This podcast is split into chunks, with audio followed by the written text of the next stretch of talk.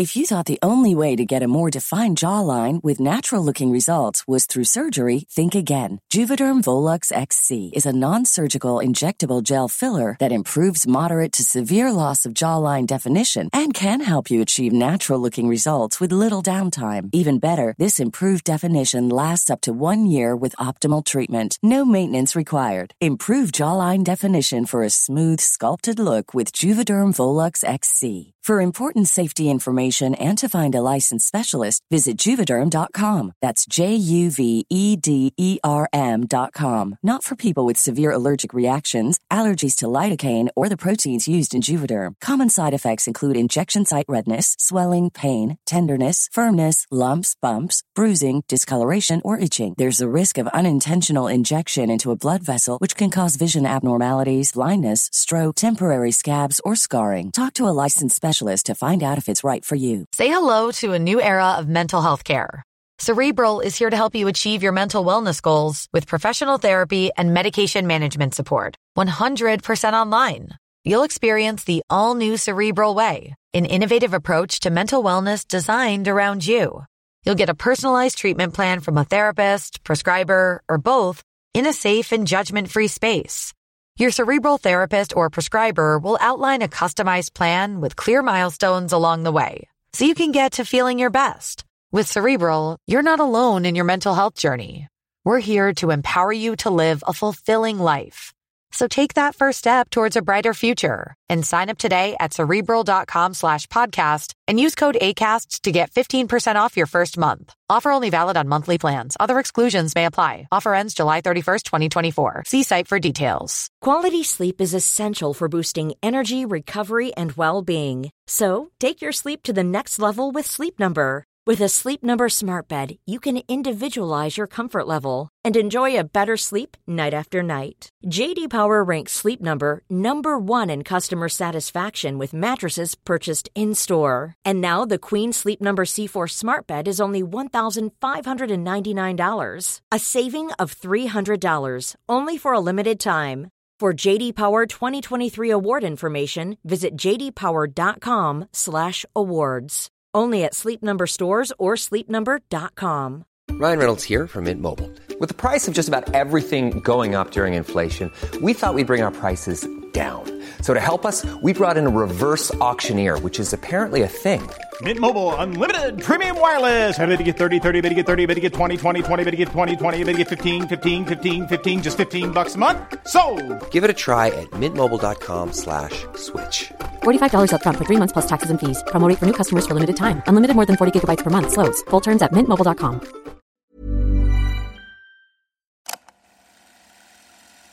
Du lyssnar på en produktion av Novel Studios. Det är väldigt, väldigt mycket det här med självskadebeteende. För att sm- ja, men du får sån ångest. Får du. Det, det är liksom är en ångest i brösten som gör så ont. Du vill bara sitta och dra ut det men du kan inte. Det här är en populärvetenskaplig podcast där vi utforskar psykologiska fenomen bakom mänskligt beteende. Med särskilt fokus på beteenden som kan bli farliga och som ibland ligger oss närmare än vi själva tror. Jag heter Katarina Hovner och är rättspsykiatriker och forskare. Och jag heter Shilan Kaman och är beteendevetare och forskare. Du lyssnar på Det mörka psyket. Om borderline, första delen.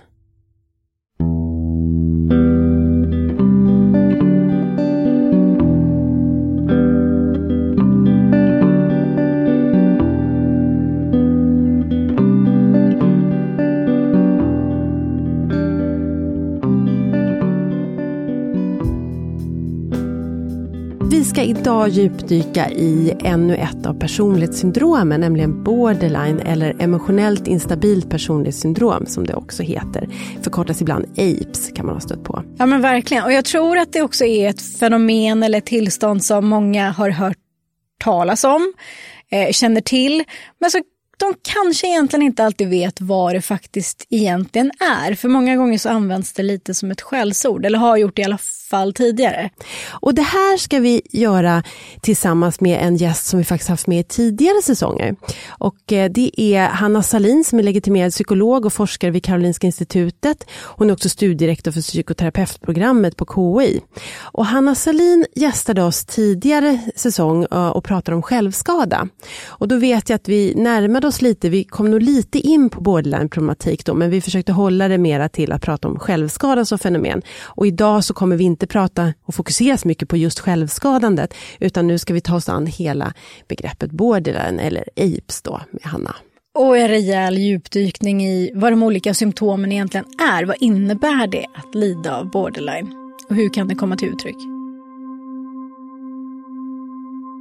Jag är adopterad från Colombia. Kom hit till Sverige när jag var tre år gammal. Till en adoptionsfamilj som tyvärr inte var alls bra för mig.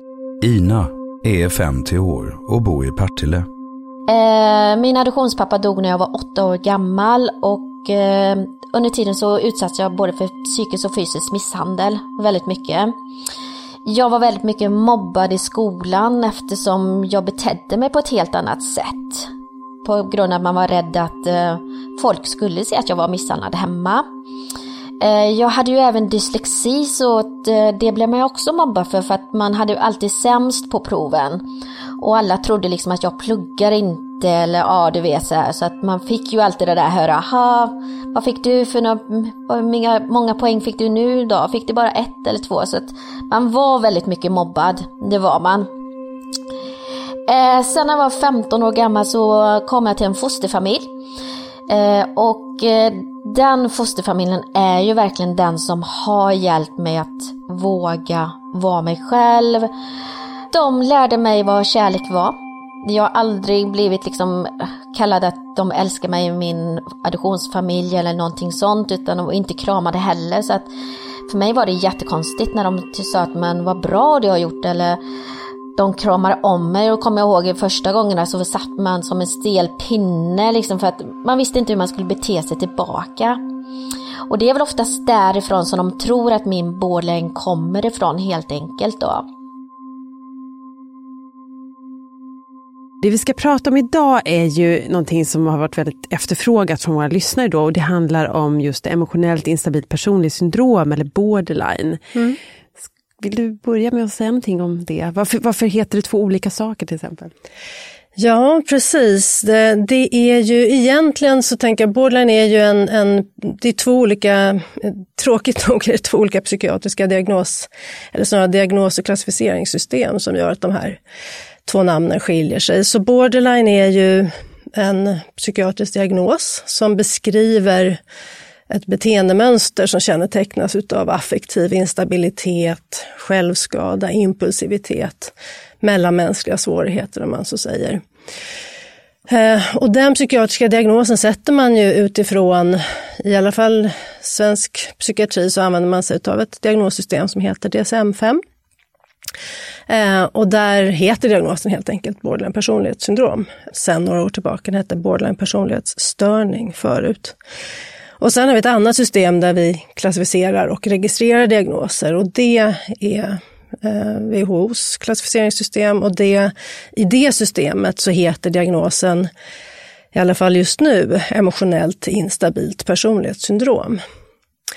Och då är det så att den här diagnosen, borderline, är ju väldigt, en väldigt stigmatiserad diagnos. Eh, så att den har ju kommit ur ett gammalt psykoanalytiskt tänk att de här individerna har både ett neurotiskt fungerande, ett, det vill säga hyfsat välfungerande, och sen kan de under stress eller svårigheter ha ett väldigt då gränspsykotiskt eller psykotiskt fungerande. Så då menar man att de här patienterna var på gränsen, alltså borderline, till båda de här olika syndromen. Eh, och det står ju nu då som sagt i det här DSM-systemet som borderline personlighetssyndrom. Men i och med att den här diagnosen är förknippad med väldigt mycket stigma, som vi säkert kommer att prata om, så har man de senaste kanske 15 åren börjat använda sig mer utav den här beteckningen som finns i ICD-systemet, eh, nämligen emotionellt instabilt personlighetssyndrom, därför att det är en mer beskrivande, den beskriver bättre egentligen vilka svårigheter de här individerna har. Så, um, så det är liksom varför de har två olika namn. Men båda namnen existerar i, i dagsläget. Och som det ser ut nu så kommer, vad jag förstår för att ICD, nästa ICD-upplaga så kommer man även där använda en borderline specifier så att man kommer ta bort det här med emotionellt instabilt personlighetssyndrom. Så att vi får nog dras med termen borderline ett tag till.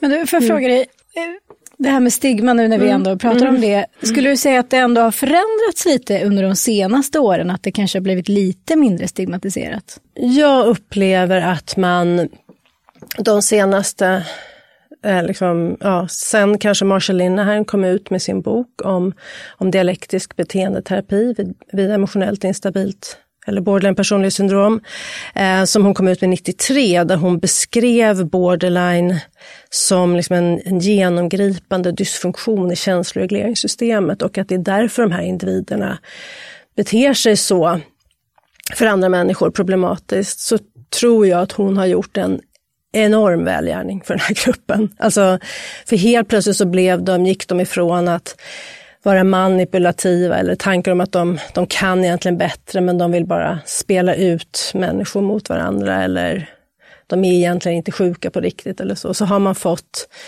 så blev det startskottet ändå till att titta på de här individerna på ett annat sätt och se att det här är människor med ett väldigt stort lidande. Och många gånger med väldigt lite kontroll över sina beteenden, i alla fall när de är under stark känslomässig press. Så jag skulle säga att absolut, absolut, en enorm, det har skett en enorm förändring i attityd, i bemötande, i förståelse, i, i vilja att förstå, i forskningsansatser, i behandlingsutveckling och så vidare. Eh, och samtidigt så är det här en patientgrupp som väcker otroligt mycket eh, starka känslor i sin omgivning. Så att jag skulle också säga att den tyvärr är fortfarande en väldigt stigmatiserad grupp. Och att, att termen borderline fortfarande är, är väldigt starkt förenat med eh, ja, personer man inte man helst vill undvika eller kanske inte vara i, i, i eh, arbeta med helt enkelt. Alltså egentligen eh, så visste de i där jag kommer ifrån, den staden som jag bodde i, att jag kom hit till Sverige när jag var liksom tre och ett halvt år. Redan fyra år gammal så såg de ju orostecken på att det var någonting som var med mig. Men eftersom det var ändå ganska rik familj som jag bodde i så vågade inte någon ta tag i det eller göra anmälningar och sånt här. Fast det fanns ändå anmälningar men de vågade inte ta upp detta med den här familjen då. Så redan då fanns ju tecken på att det är någonting som inte är bra. Eh, sen när jag kom till fosterfamiljen och det var väl då man började känna sig mer fri och liksom inte så kontrollerad. Det var då man började söka den uppmärksamheten. Det var ju då första gången som jag vet med, jag började ta Alvedon. Som självskadebeteende liksom.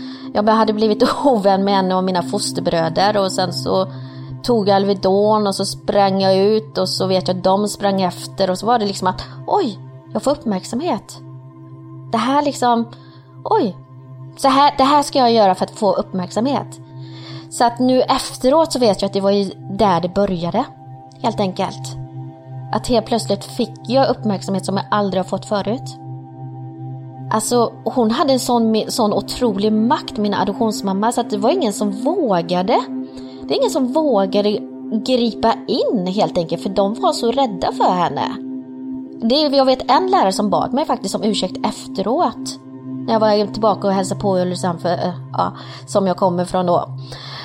Och så träffade jag på den här och hon sa, jag vet vad du men, ja, tyvärr vi gjorde ingenting. Och då vet jag att jag blev så arg på henne och liksom att, men varför? Liksom, varför? Ja, hon kunde inte svara på det. Så att eh, jag har ju fått efter många, många år bekräftelse på att folk har vetat om, men det är ingen som har vågat.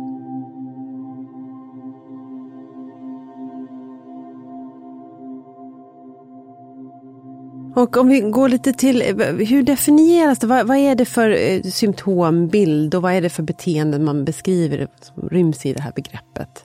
Om vi tänker då borderline personlighetssyndrom så är det en, helt enkelt en diagnos. Eh, och varför jag pratar om diagnosen hela tiden är för att det är så lätt att man säger att man är borderline. Så det är därför jag är lite så här, det kanske låter fyrkantigt när jag pratar om det, men jag vill bara förtydliga att ingen är borderline. Utan att det här är liksom ett sätt för oss i vården att förstå och kommunicera med varandra och också förstå vilka, vilka behandlingsinterventioner kan passa för den här individen. Eh, och då är det ju så, så som det här systemet fungerar, vilket också är väldigt viktigt att tänka på, det är att man, man behöver ställa den här diagnosen med hjälp utav en semistrukturerad intervju, som också kanske gärna ska göras över lite längre tid än ett till två patientbesök. Eh, därför att ofta när de här personerna kommer till vården så kanske de är i en akut kris. Vilket gör att de kan ha ett, ett, ett fungerande som påminner om en person som har borderline, eh, men de kanske inte har borderline. Så att, men om man då ska om man gör det rätt så att säga, så kommer den här personen till en och då gör man, ja, men tar man en anamnes helt enkelt bakåt i tiden hur det har sett ut. Och därefter så gör man den här semistrukturerade intervjun och då är det första kriteriet man behöver ta ställning till, det är det allmänna kriteriet för personlighetssyndrom. Och det är ju helt enkelt, har den här personen, de här svårigheterna som personen uppvisar, är de varaktiga? Eh, har de funnits med länge? Eller är det en krisreaktion så att säga? Utan är det här ett mer långvarigt fungerande och då är det de generella kriterierna för att uppfylla en en personlighetssyndromdiagnos är ju då att man ska på ett varaktigt sätt ha ett avvikande sätt att tänka om eller reagera känslomässigt eller eh, ha en annorlunda impulsivitet eller mellanmänskliga relationer eller en självbild som avviker från det man kan förvänta sig utifrån den sociala norm man är uppväxt i eller som man tillhör. Så personen behöver ha svårigheter kring de här olika områdena och de svårigheterna ska funnits med länge och antingen jättesignifikant lidande eller funktionsnedsättning. Och det ska inte bero på droger eller missbruk eller någon somatisk skada och så vidare. Så det här är ju, som sagt, nu kanske jag låter mästrande, men, men det här är ju tyvärr ett steg som många hoppar över. Man ser en person i affekt eller man ser kanske på en vårdavdelning någon som självskadar eller agerar ut. Och det är inte ovanligt att det kan räcka för att vårdpersonal kan sätta en diagnos borderline i journalen och det kan bli väldigt olyckligt för många individer. I och med just att det finns ett sånt stigma med den här diagnosen. Så det är första grundkriteriet man behöver se av, är det här en person som har ett, liksom, ett, ett, ett långvarig funktionsnedsättning eller lidande? Och därefter tar man då ställning, så som systemet ser ut nu i alla fall, tar man ställning till en utav tio tror jag, personlighetssyndrom det finns nu. Och där är borderline en sån eh, diagnos och det är mer på vilket sätt det här personlighetssyndromet tar sig uttryck. Och då ska man uppfylla fem av nio kriterier för att få den här diagnosen, minst fem kriterier. Och jag tycker ändå att de här kriterierna är ganska så fina och ganska så beskrivande. Eh, och det första tror jag handlar om att man har en extrem eh, rädsla för övergivenhet och separationer. Att man även man har rädsla för att bli övergiven och man tror sig bli övergiven även i situationer där det kanske inte sker. Eh, det andra kriteriet handlar om instabila relationer. Jag kanske inte exakt kommer ihåg med rätt ordning här nu, men att man har intensiva och instabila mellanmänskliga relationer. Och det kan ju innebära då till exempel att att man, en, en person som ena dagen är någon man älskar jättemycket, nästa dag är en person man kanske äcklas av eller tycker är den värsta människan någonsin. Så att man har väldigt, man brukar prata om svartvita relationer, att någon är antingen idealiserad eller nedvärderad. Eh, sen brukar man också ha svårigheter med självbild, det vill säga att man har en instabil självbild, man vet inte riktigt vem man är. Man har en genomgripande känsla av att inte veta vem man är eller att eh, man är så olika tillsammans med olika människor så att man inte riktigt eh, känner igen sig själv, att man tappar bort sig själv. Många brukar beskriva sig själva som en social kameleont. Att man blir liksom som den grupp man umgås med eller att man har en mask på sig så att man visar upp någonting som man inte alltid eh, Och varför tycker. brukar man göra det? Är det för att man vill liksom eh, passa in, känna samhörighet? Eller vad, vad, kan, vad kan vara anledningen bakom att man är en liksom, social kameleont? Jag tror det finns flera olika anledningar. Jag kan tänka mig till exempel att den här rädslan för att bli övergiven eller att inte få höra till kan vara en sån sak. Precis att man, man försöker anpassa sig till eh, gruppen. Jag tror också att det har med det här som vi säkert kommer in på, de här svårigheterna med, liksom, man har kanske en bakgrund med genomgripande invalidering, det vill säga man, man, känner inte, man känner inte sina känslor, man förstår inte sina känslor, man har inte heller riktigt en känsla för att jag är en person som faktiskt tycker om det här och tycker inte om det här. Eller man har liksom lärt sig att inte lyssna på sina egna inre signaler. Så man är kanske också fundamentalt osäker på vem man är. Och att man då snarare hakar på och tänker, men jag kanske är så här. De här, så här. Jag är på fest, alla verkar glada, men okej, jag känner ångest, men jag borde nog vara glad. Så försöker man bete sig som om man är glad eller som om man tycker det är roligt. Man har liksom inte, man har svårt att bottna i och, och landa i sin egen upplevelse utav hur någonting kanske känns eller upplevs. Sen tror jag också ibland man, bara, man har liksom inte riktigt någon aning om vem man är, för man har inte tränat upp den. Men kan det också innebära att man blir särskilt sårbar för att bli påverkad av andra, tänker jag, om man är? Ja, men så kan det säkert vara. Det är en intressant fråga. Jag vet, jag, jag, men då, ja, och det kan ju också vara en del som hör ihop med de intensiva, instabila relationerna. Att man kanske tror, jag är som hon eller vi är ett och sen gör den här personen något man inte gillar och då har man inget det finns inget filter eller det finns ingen, ingen buffert för att säga okej, så tycker hon, men det där, det gillar inte jag. Utan istället blir det, jag trodde vi var likadana, nu är vi inte det, vem är du? Jag vet inte alls vem du är. Liksom. Så att jag, det kan också vara en del i det, att det blir de här väldigt in, instabila relationerna.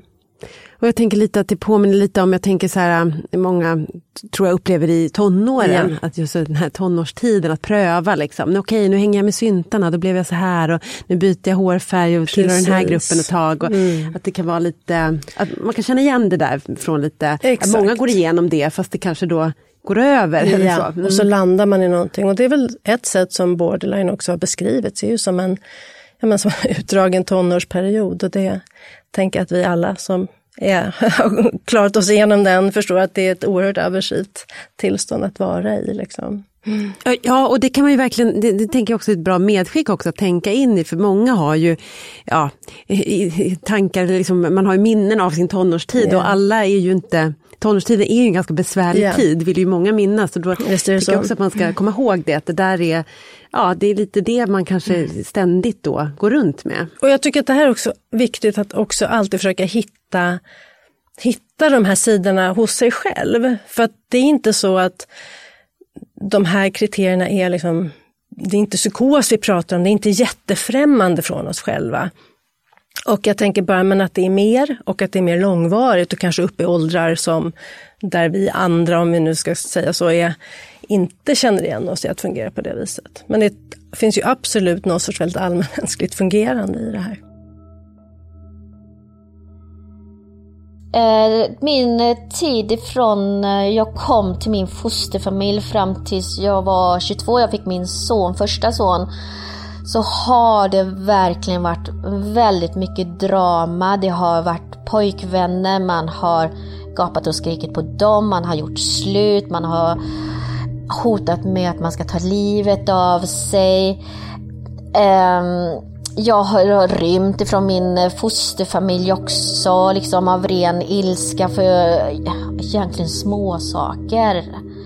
Och sen också att man vill liksom utmåla sig själv som att man är ett stort offer, liksom att det är så synd om mig. Liksom.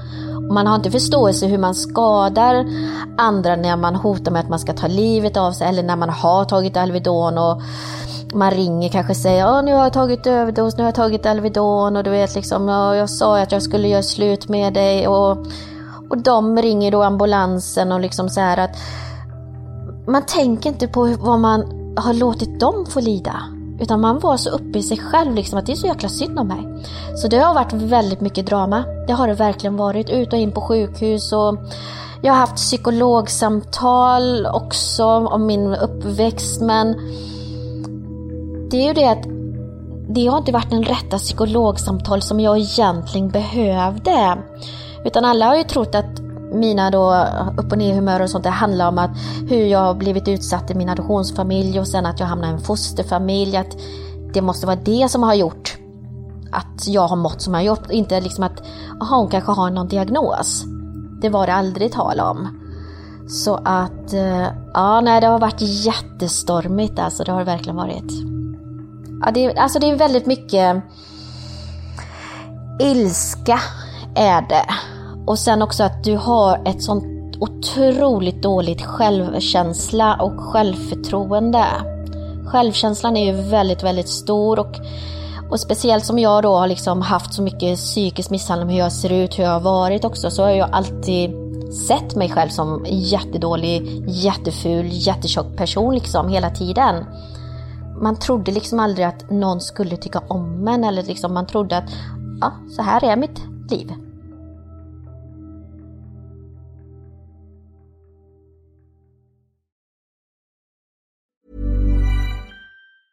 Say hello to a new era of mental health care.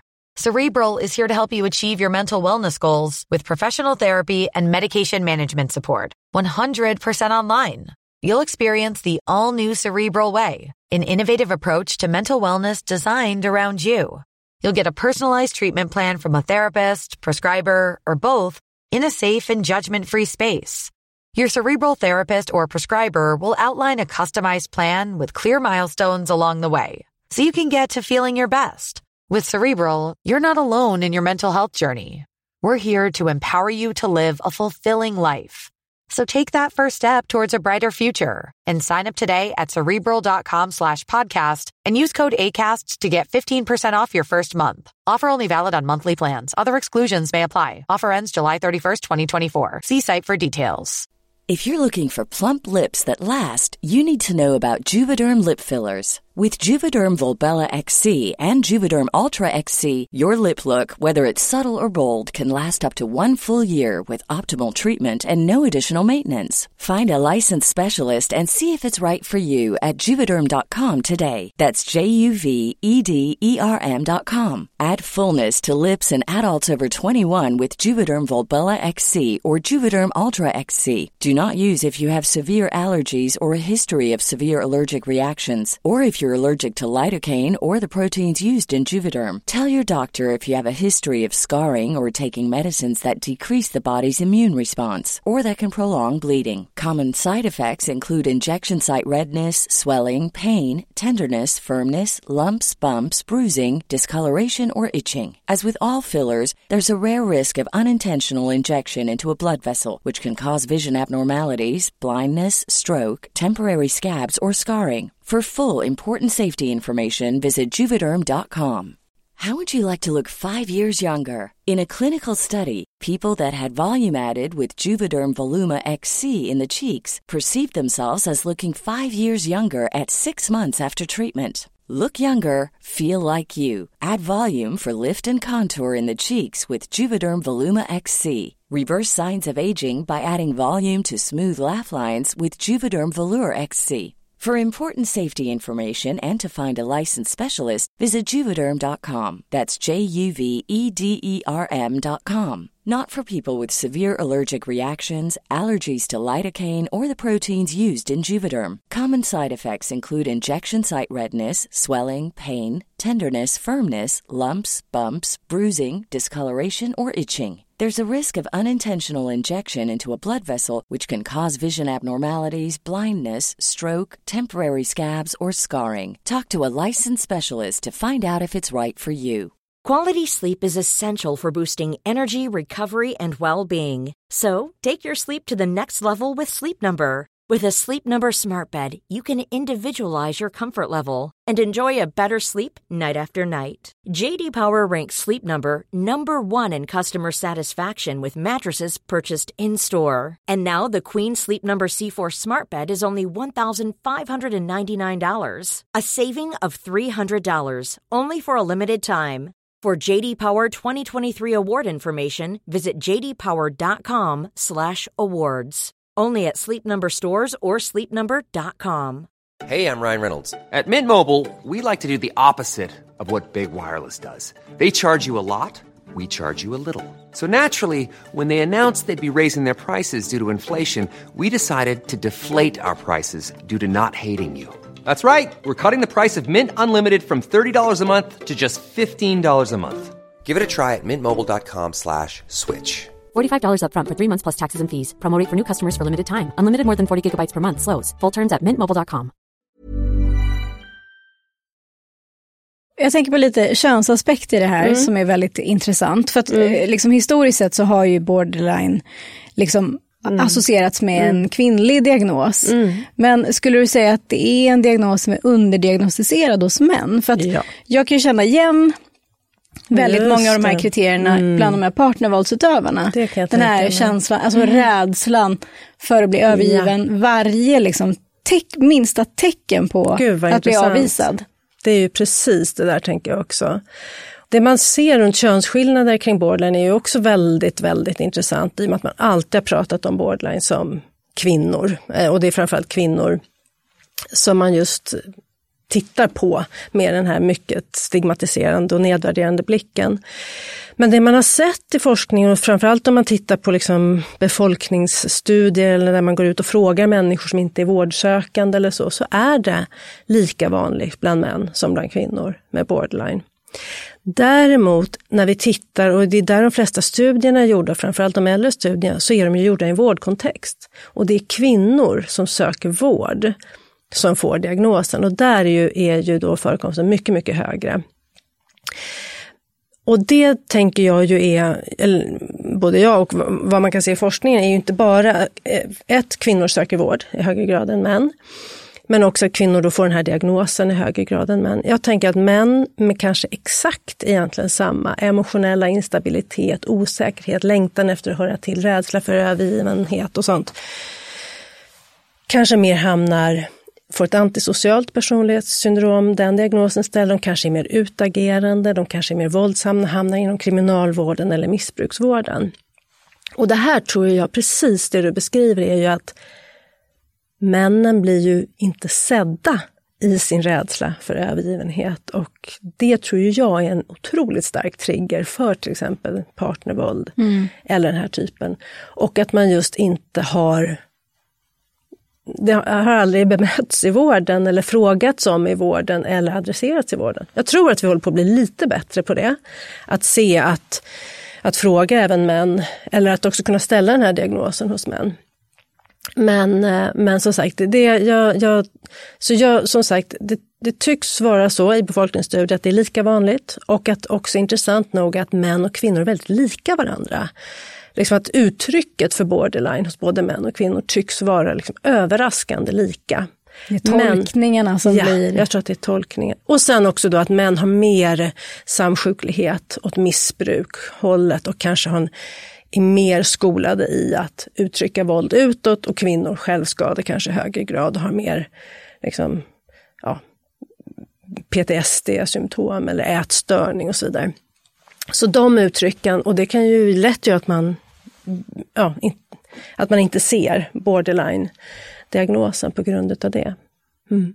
Så att det, det är ju väldigt intressant och jag tänker också att det finns nog många män som skulle behöva få hjälp med att hantera sina känslor och inte bara minska sitt missbruk. Liksom. Mm, jag håller helt med. Ska vi fortsätta med Ja. kriterierna? Mm. Ja. Ja, för nu var vi på kriterium tre, då identitetsstörning, men det är jättebra att ni frågar. Det bara Nästa kriterium är, handlar om impulsivitet. Och, så, och det handlar just om impulsivitet som leder till negativa konsekvenser. Eh, och det kan vara allt ifrån att man kanske ja, både dricker för mycket, spenderar för mycket pengar, tar droger, kör vårdslöst eller sådana saker.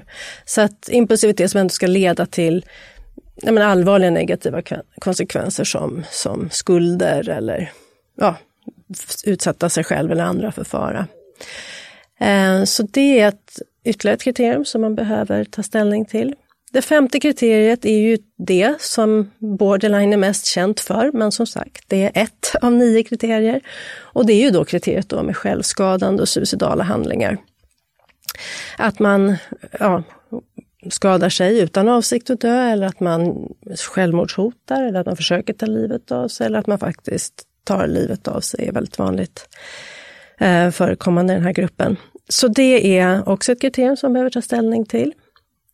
Nästa kriterium handlar om affektiv instabilitet, det vill säga att man har kraftiga svängningar i sitt eh, humör och mående, att man kan svänga flera gånger under dagen. Jag tänker att ofta så beskriver patienter att de inte kan planera vad de ska göra, för de vet inte hur de kommer må senare under dagen. Jag tror att många en del i de instabila relationerna är ju också att det här är personer som ofta ställer in fika eller träffar eller för att de inte orkar eller för att de har ångest, vilket ju också kan vara ett sätt att bränna ut relationer tyvärr. Men så det är också ett oerhört plågsamt tillstånd, tänker jag, med, med kraftiga svängningar från, från glädje till ångest, till nedstämdhet, till ilska eller så, som, som, som sagt, som, som patienterna ofta upplever helt utanför deras kontroll. Eh, det här svängandet och ofta också triggas av saker som de själva inte har koll på. Så de har sett det som att, jag vet att en av mina lärare, eh, när, han, eh, när jag började lära mig om, om borderline och dialektisk beteendeterapi, brukade han göra liknelsen att det är som att ha en, en elektroder inkopplade mot liksom något, någon lever eller något inre system som bara helt random ger liksom kraftiga elchocker. Liksom att, att med, med ett sådant system så är det klart att det är väldigt, väldigt svårt att uh, vara målinriktad eller kunna fullfölja planer och efterhand så så slutar man ens att göra planer för man vet att man alltid misslyckas, att man alltid ställer in att det aldrig går, för att man har det här systemet som triggas igång. Eh, och det är ju en en stor del av det man gör i behandlingen är också att börja förstå vad är det som triggar dig? Det här är dina känslor, vad säger de om dig och, och hur kan du surfa lite mer på dem eller ligga steget före?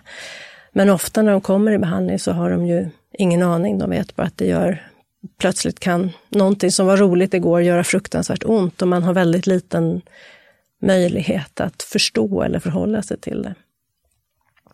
Så det är, tänker jag, är liksom, det är också mycket det som man ser som drivkraften i, i, den här, eh, i den här diagnosen. Men mycket smärtsamt och, och inte alltid, det syns inte heller alltid utåt. För det har man också sett i forskningen, att den här masken, eller man är van vid att i och med att det alltid är kaos innanför huden så att säga, så, så lär man sig att ha ett väldigt, liksom, ja, man tål väldigt mycket eh, smärtsamma känslor utan att visa det utåt kanske, för att man förstår inte vad, vad känslorna vill säga en eller varför man känner som man gör. Så man försöker hålla den där masken. Vilket ju också gör att det blir väldigt svårt för omgivningen att förstå också, både när det brister, men också varför personen, personen ter sig ganska normal liksom, utifrån sett och så förstår man inte varför personen beter sig så inkonsekvent. Så det är också en väldigt stor källa till frustration och missförstånd runt de här personerna. Både i deras relation till sig själva men även i relation till andra. Ja, därefter så har vi ett kriterium som jag också tycker är, som jag också tänker mig är väldigt smärtsamt och det är ett kriterium som handlar om kroniska tomhetskänslor.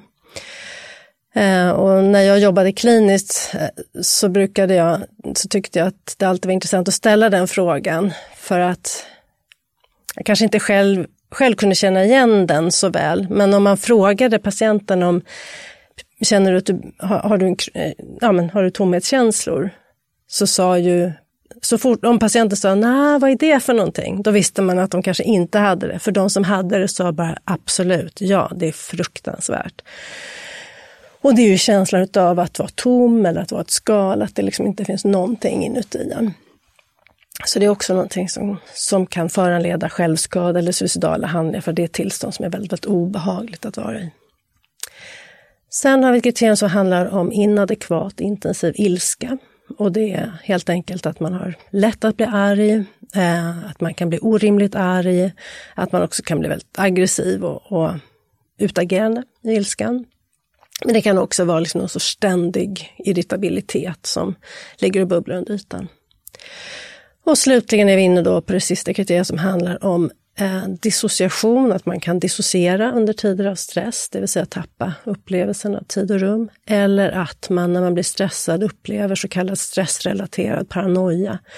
Det vill säga att man i situationer eller perioder av emotionell stress så kan man uppleva sig i mer eller mindre grad och mer eller mindre liksom uttalat eh, uppleva sig förföljd eller att andra människor vill en illa och så vidare. Så det kan också vara ett väldigt svårt tillstånd att vara i. Och så kan man känna även när man sitter med sin behandlare som vill en väl. Så, att liksom, så det kan också göra det väldigt svårt eh, i behandling många gånger. Så det är, som sagt, jag tycker ändå att de här kriterierna beskriver ganska väl ett ganska så outhärdligt lidande. Och, eh, och man har väl också sett att ju fler av de här kriterierna man uppfyller, desto större svårigheter har man också. Men det är också viktigt, som du sa, det är mm. fem av de här fem nio, nio, vilket ju gör att två patienter också kan vara väldigt, väldigt olika. Extremt olika. Men, och återigen, att det är åtminstone fem som behöver eh, eh, som man behöver se att, att patienten upp, uppfyller och att man ovanpå det har de här långvariga svårigheterna. Så att bara för att en patient kommer till en och självskadar eller för att en patient kommer till en och är upprörd betyder det inte att den personen har borderline.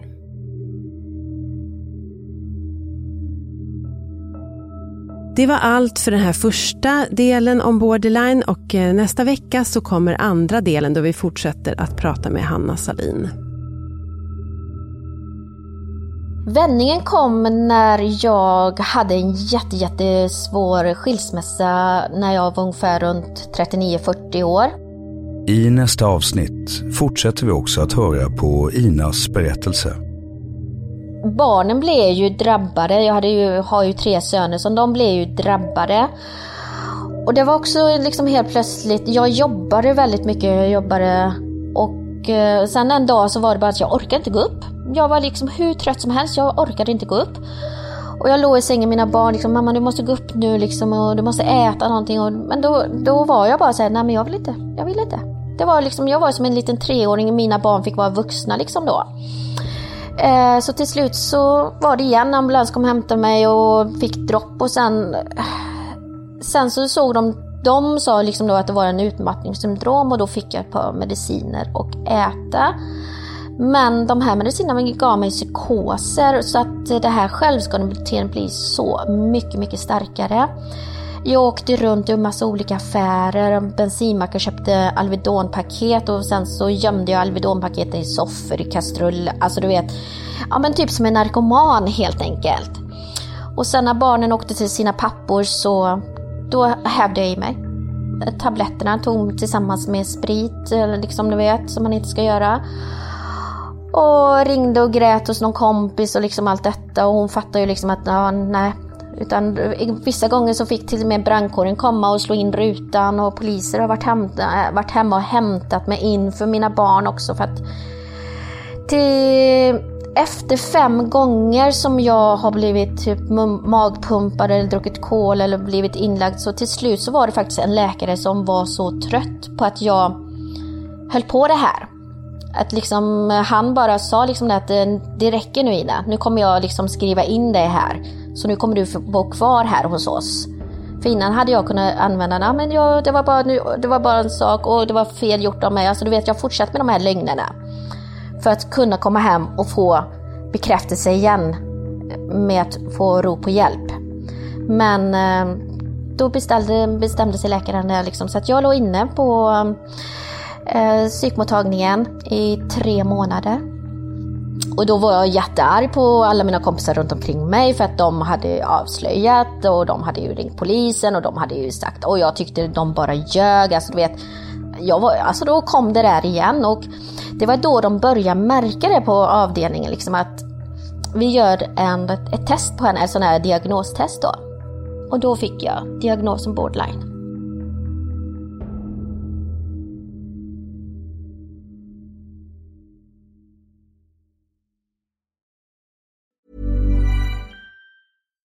Botox Cosmetic, out of botulinum toxin A, FDA approved for over 20 years. So, talk to your specialist to see if Botox Cosmetic is right for you.